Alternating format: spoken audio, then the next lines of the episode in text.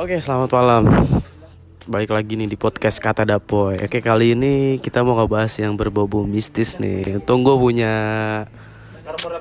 temen, ya kan? Nih gue lagi di luar nih, gak apa-apa seadanya kan ngambil podcastnya. Gue lagi di luar, biasa masih sekitaran komplek. Udah hampir ada kali 4 bulan 6 bulan gue nggak update podcast pas terakhir itu sampel lagu ya dan bandnya juga udah ke mana tahu. ya oke, gue kali ini bareng narasumber yang sama. Waktu itu per gue pernah upload itu tentang kematian deh itu beberapa tahun silam. Dia sempat cerita dan itu gue diam-diam ngerekamnya. Dan kali ini gue langsung nih sama Gusti. Oke Gusti. Apa kabar Gusti? Ya, alhamdulillah Gimana kita nih? sehat selalu ya. oke mantap. Gimana kabar Ti? Iya, alhamdulillah. Ini masih dalam keadaan baik ya. ya ini kayaknya nih untuk episode ke depannya gue akan selalu sama lu nih kan? Iya, tenang. jadi lu mah kayak lu lu kayak kalau tentang tentang cerita mistis kayak lu banyak banget nih kan kalau Iya. setiap nongkrong lu Iya. cerita mulu gitu Iya, dan gitu nah, lah, Bang. nah gue, gue baru kepikiran nih soalnya gue baru buka apa angkor lagi jadi ya lumayan lah buat kontennya gak sih Iya, Nggak apa-apa nggak sih? betul. Nggak apa-apa. Oke.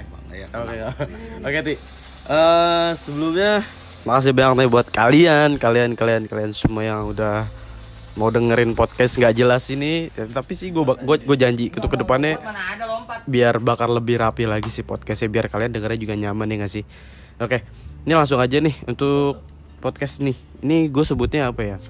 Malam horor bersama Gusti atau gimana ya? Enaknya apa ya? Malam horor malam Senin. Ah, ya. Oh ya kan biasanya kalau podcast podcast lain itu malam apa? Jumat. malam Jumat. Nah gue malam Senin nih gak sih.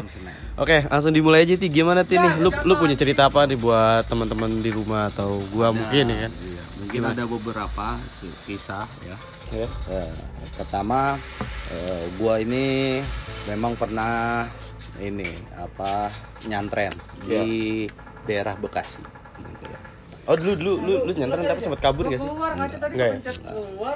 oke lanjut Ti. aman. Nah, jadi ketika pesantren itu memang banyak eh, kejadian mistis yang yang gua alamin lah gitu ya tiap harinya gitu. Antaranya itu gue pernah ketika itu eh, ketemu sama kaki doang. Sama kaki doang? Kaki doang. Jadi kakinya itu dari dengkul sampai ke bawah doang. Hanya kaki. Nah ketika gua malam itu kejadiannya malam sekitar jam 2 jam 2 jadi gua bangun ya serama nah tujuan gue itu pengen ke masjid pengen baca Quran.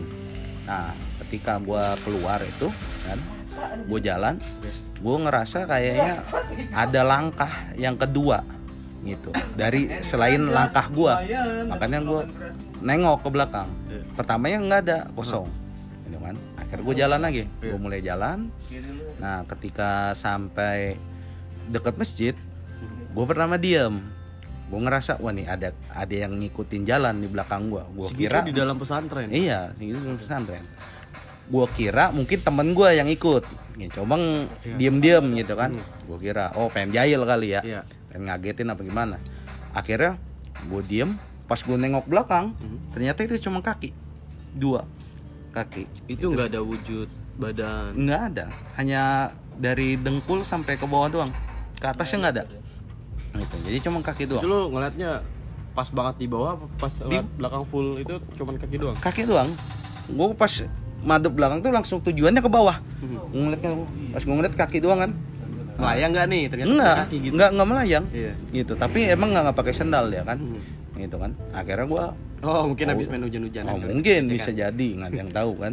Nah akhirnya gua di situ sempet diem gua. Gua bilang "Wah, ternyata kaki doang nih gua bilang gitu kan nah akhirnya gua udahlah gua sok-sok ke depan. Madep ke depan. Pas madep ke depan itu gua udah jalan aja udah. Udah akhirnya kaki itu nggak nggak ngikutin lagi tuh sampai masjid kan gitu. Pas abis ketahuan sama gua. Nah terus juga ada beberapa ini yang salah satunya tuh gue sempet pernah eh, ketika itu ya. gua tuh dalam keadaan tuh lagi sholat malam.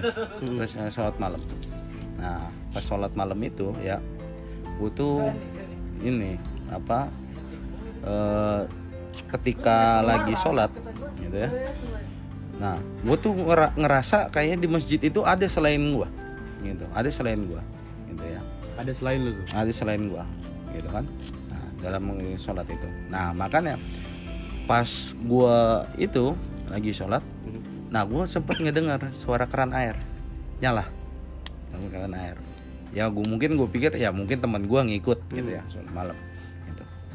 Nah setelah selesai gitu ya setelah selesai gua tuh ngelihat keran air kan gue lihat. Ternyata nggak ada orang sama sekali. Gitu. Gua kira mungkin teman gua ke kamar mandi nih. Ternyata nggak ada. Gitu. pas gua lihat cek cek masjid pun kosong. Hanya gua doang sendiri. Nah, gitu kan. Kata gua oh mungkin temen gua udah pergi. Gua bilang gitu kan. Gua pikirin temen gua udah pergi.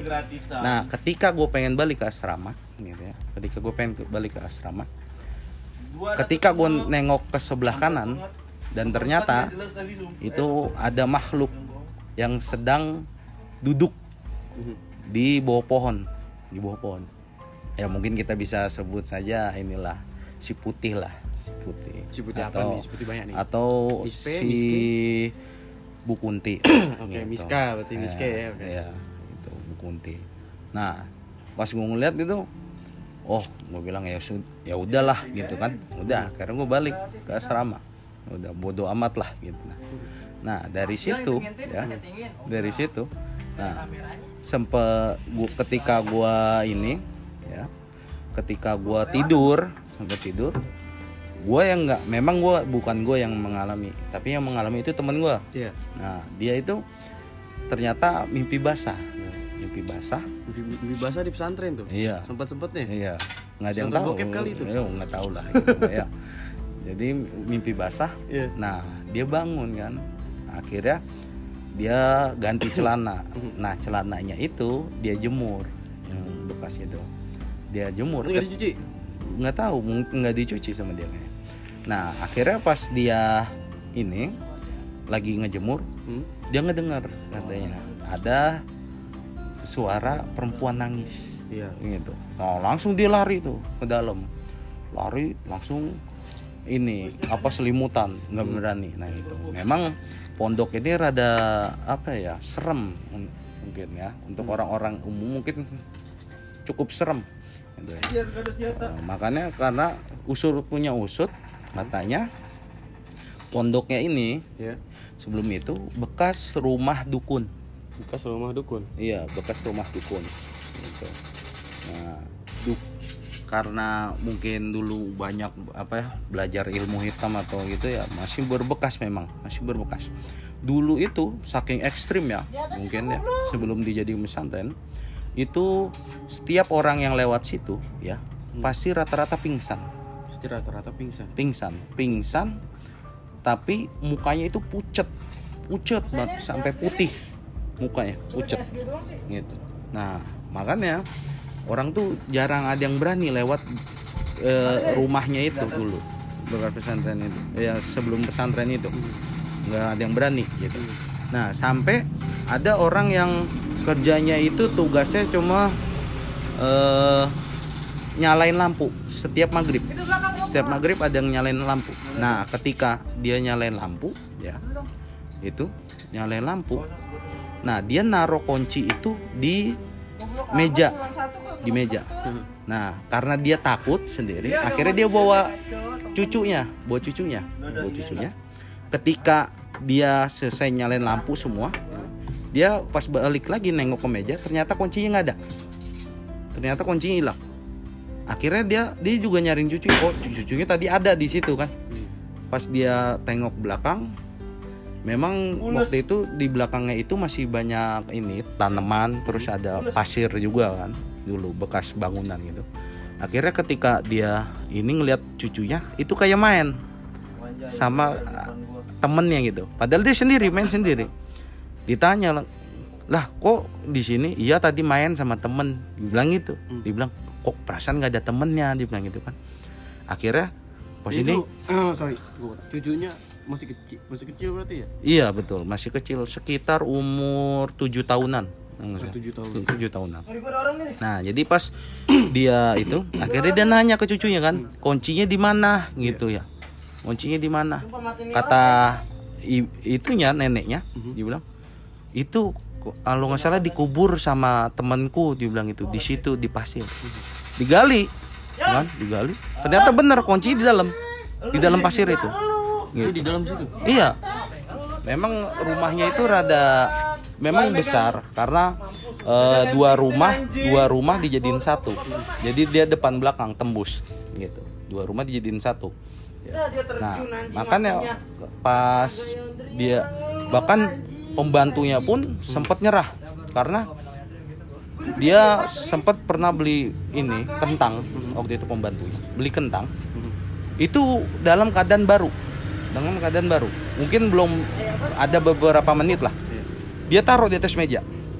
Nah pas dia lagi nyiapin buat masak pas dia lihat ininya kentangnya lagi ternyata kentangnya itu udah hitam. Hitam. Kayak seakan-akan kayak busuk gitu. Itu sekarang udah busuk. iya padahal eh, baru dibeli gitu kan baru dibeli gitu kan baru dibeli. gitu. nah akhirnya dia shock juga tuh rada shock. Nah pas suatu hari itu eh, dia masak lagi. Tapi yang dimasak itu daging kan? Nah ceritanya mungkin pengen disemur atau direndang kan? Nah waktu itu dagingnya itu dia rebus direbus gitu. Kalau secara kita masak gitu ya direbus sebentar pun daging tuh udah empuk. udah warnanya udah berubah jadi coklat atau gitu kan. Iya iya iya. ini daging itu ditaruh udah di dinyalain mungkin ada kali setengah jam direbus. Itu masih ada darah belum mateng masih daging. Masih Banget. daging kayak iya. baru beli gitu. ya. iya. Jadi masih jadi itunya darah semua. Di dalam itunya pancinya. Dari situ dia nangis gitu pembantunya. Makanya memang rada mistis itu apa pesantren itu gitu ya. Tapi memang makanya banyak orang yang ngomong gitu, gitu kan nanya gitu ke gua gitu. Katanya serem gak sih di situ? Dia bilang gitu. Gue bilang sih sebenarnya enggak enggak enggak serem gitu. Enggak serem. Emang awalnya ketika gue pindah itu banyak gangguannya. Di antaranya itu ada suara orang jalan itu dari belakang. Suara orang jalan terus ada juga yang buka pin buka masuk gitu ya. Gitu buka tutup pintu tuh ada ada yang ngetok pintu juga. Gitu. nah, makanya tapi kalau ketika gue bangun itu suaranya sunyi. Sunyi. sunyi. Gitu. Sunyi. yang tadinya rame tuh sunyi. Gitu. Makanya memang rada ini apa serem di pesantren itu ya. Itu pesantrennya memang gue gue dengar dengar di situ juga banyak karena eh, ada tuh suatu kejadian ketika gue itu habis dari masjid. Dari masjid nah ketika gue keluar itu gue nengok ke sebelah kiri kan? Gue nengok ke sebelah kiri. Ternyata gue ngeliat ada perempuan pakai baju putih. Mungkin kalau gue feeling setan atau apa kuntilanak gue bilang ini bukan karena secara ini juga bajunya ada ronde-rondenya gitu. Kayak kayak baju tidur. Gitu kayak baju tidur. Nah pas gue lihat wah ini ada perempuan nih cakep. Gue bilang gitu kan cakep. Dia jalannya dari pohon pisang tapi ke belakang pos. Gue samperin dong kan. Gue waktu itu bawa motor. Gue samperin pakai motor. Gue samperin pas sampai posnya Iya. ya.